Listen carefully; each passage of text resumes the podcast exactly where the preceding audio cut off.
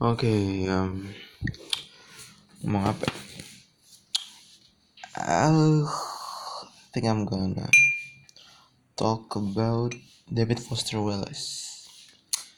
David Foster Wallace ini adalah seorang novelis yang meninggal karena suicide. Kayaknya pertengahan 2000-an deh. Never really read his novel. Saya cuma tahu David Foster Wallace. Well, I've known him since kayak mungkin setahun dua tahun lalu di beberapa akun YouTube yang ngomongin soal novel. Cuman never really know apa yang dia tulis gitu. Cuman yang uh, pertemu, pertemuan dalam tanda kutip pertama sih dengan David Foster Wallace di mana saya benar-benar nggak benar-benar sih kayak bisa mengintip sedikit apa yang dia tulis adalah di buku All Things Shining. Yang udah saya ngomongin kayaknya beberapa beberapa rekaman yang lalu ya. Uh, salah satu babnya itu ngomongin tentang bagaimana basically how David Foster Wallace explores how to live a meaningful life in modern era gitu. Salah satu yang menarik adalah ketika dalam bab itu si penulis menyajikan kutipan dari kayaknya sebuah wawancara atau surat dari yang ditulis oleh kita sebut saja Wallace yang yang ditulis, yang ditulis oleh Wallace dia bilang kayak hmm, semacam dia bilang semacam kayak there's a lot of sadness in in modern human gitu yang ada di setiap individu gitu. Di mana dia ngeliat bahwa ini kesedihan-kesedihan yang sama pada dasarnya tapi um, happen in different form for different people gitu kayak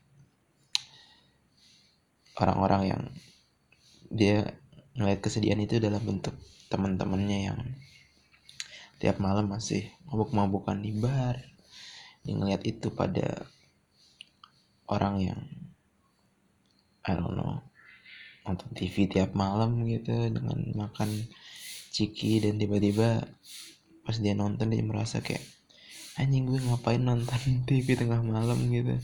Dan tiba-tiba dia sedih ingat masa lalunya.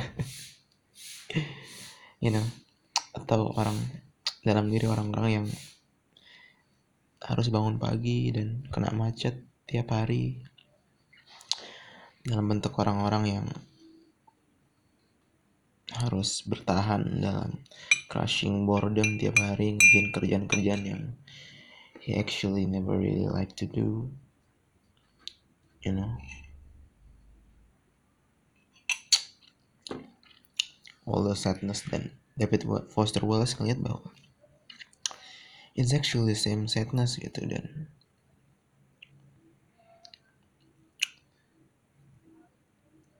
with his novel yang ditunjukkan oleh si penulis dari All Things Shining ini, David Foster Wallace try to, you know, try to menemukan apa sih yang bisa dilakukan untuk get rid of all this sadness untuk live a meaningful life in this modern era gitu.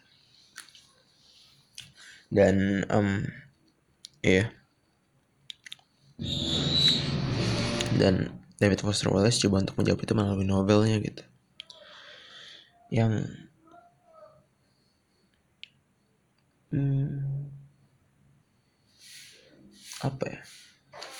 Yang pada akhirnya terjawab oleh hidupnya sendiri dengan sangat ironis di mana dia mat meninggal karena bunuh diri gitu. Jadi David Foster Wallace menjawab how to live a meaningful life dengan ada dasar kehidupannya di mana.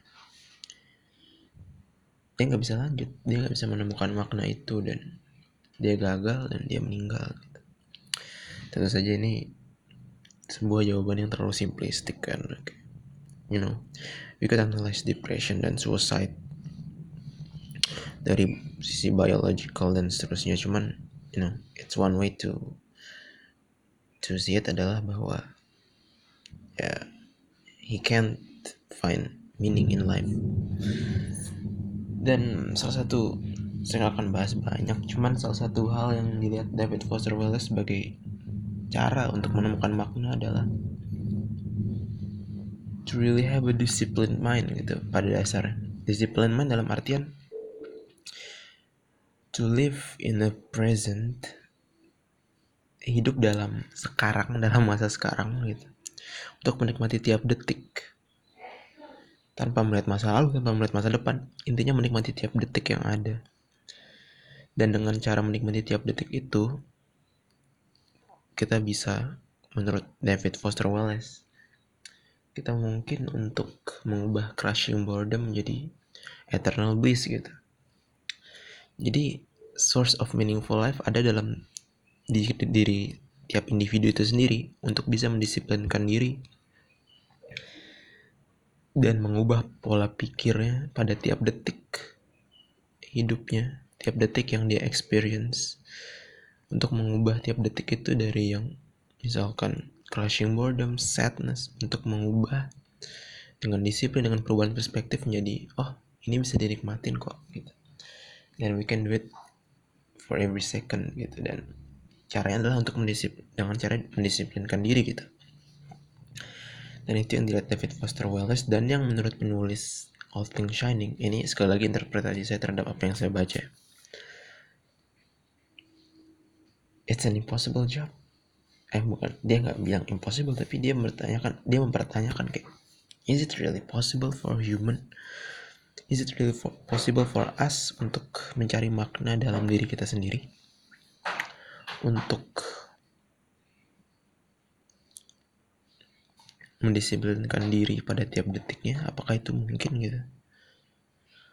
Atau sebenarnya kita harus lebih mawas diri dan bukannya benar-benar mencoba untuk mempertanggungjawabkan semua makna pada diri kita kita coba untuk lebih mencari makna yang ada di luar diri kita.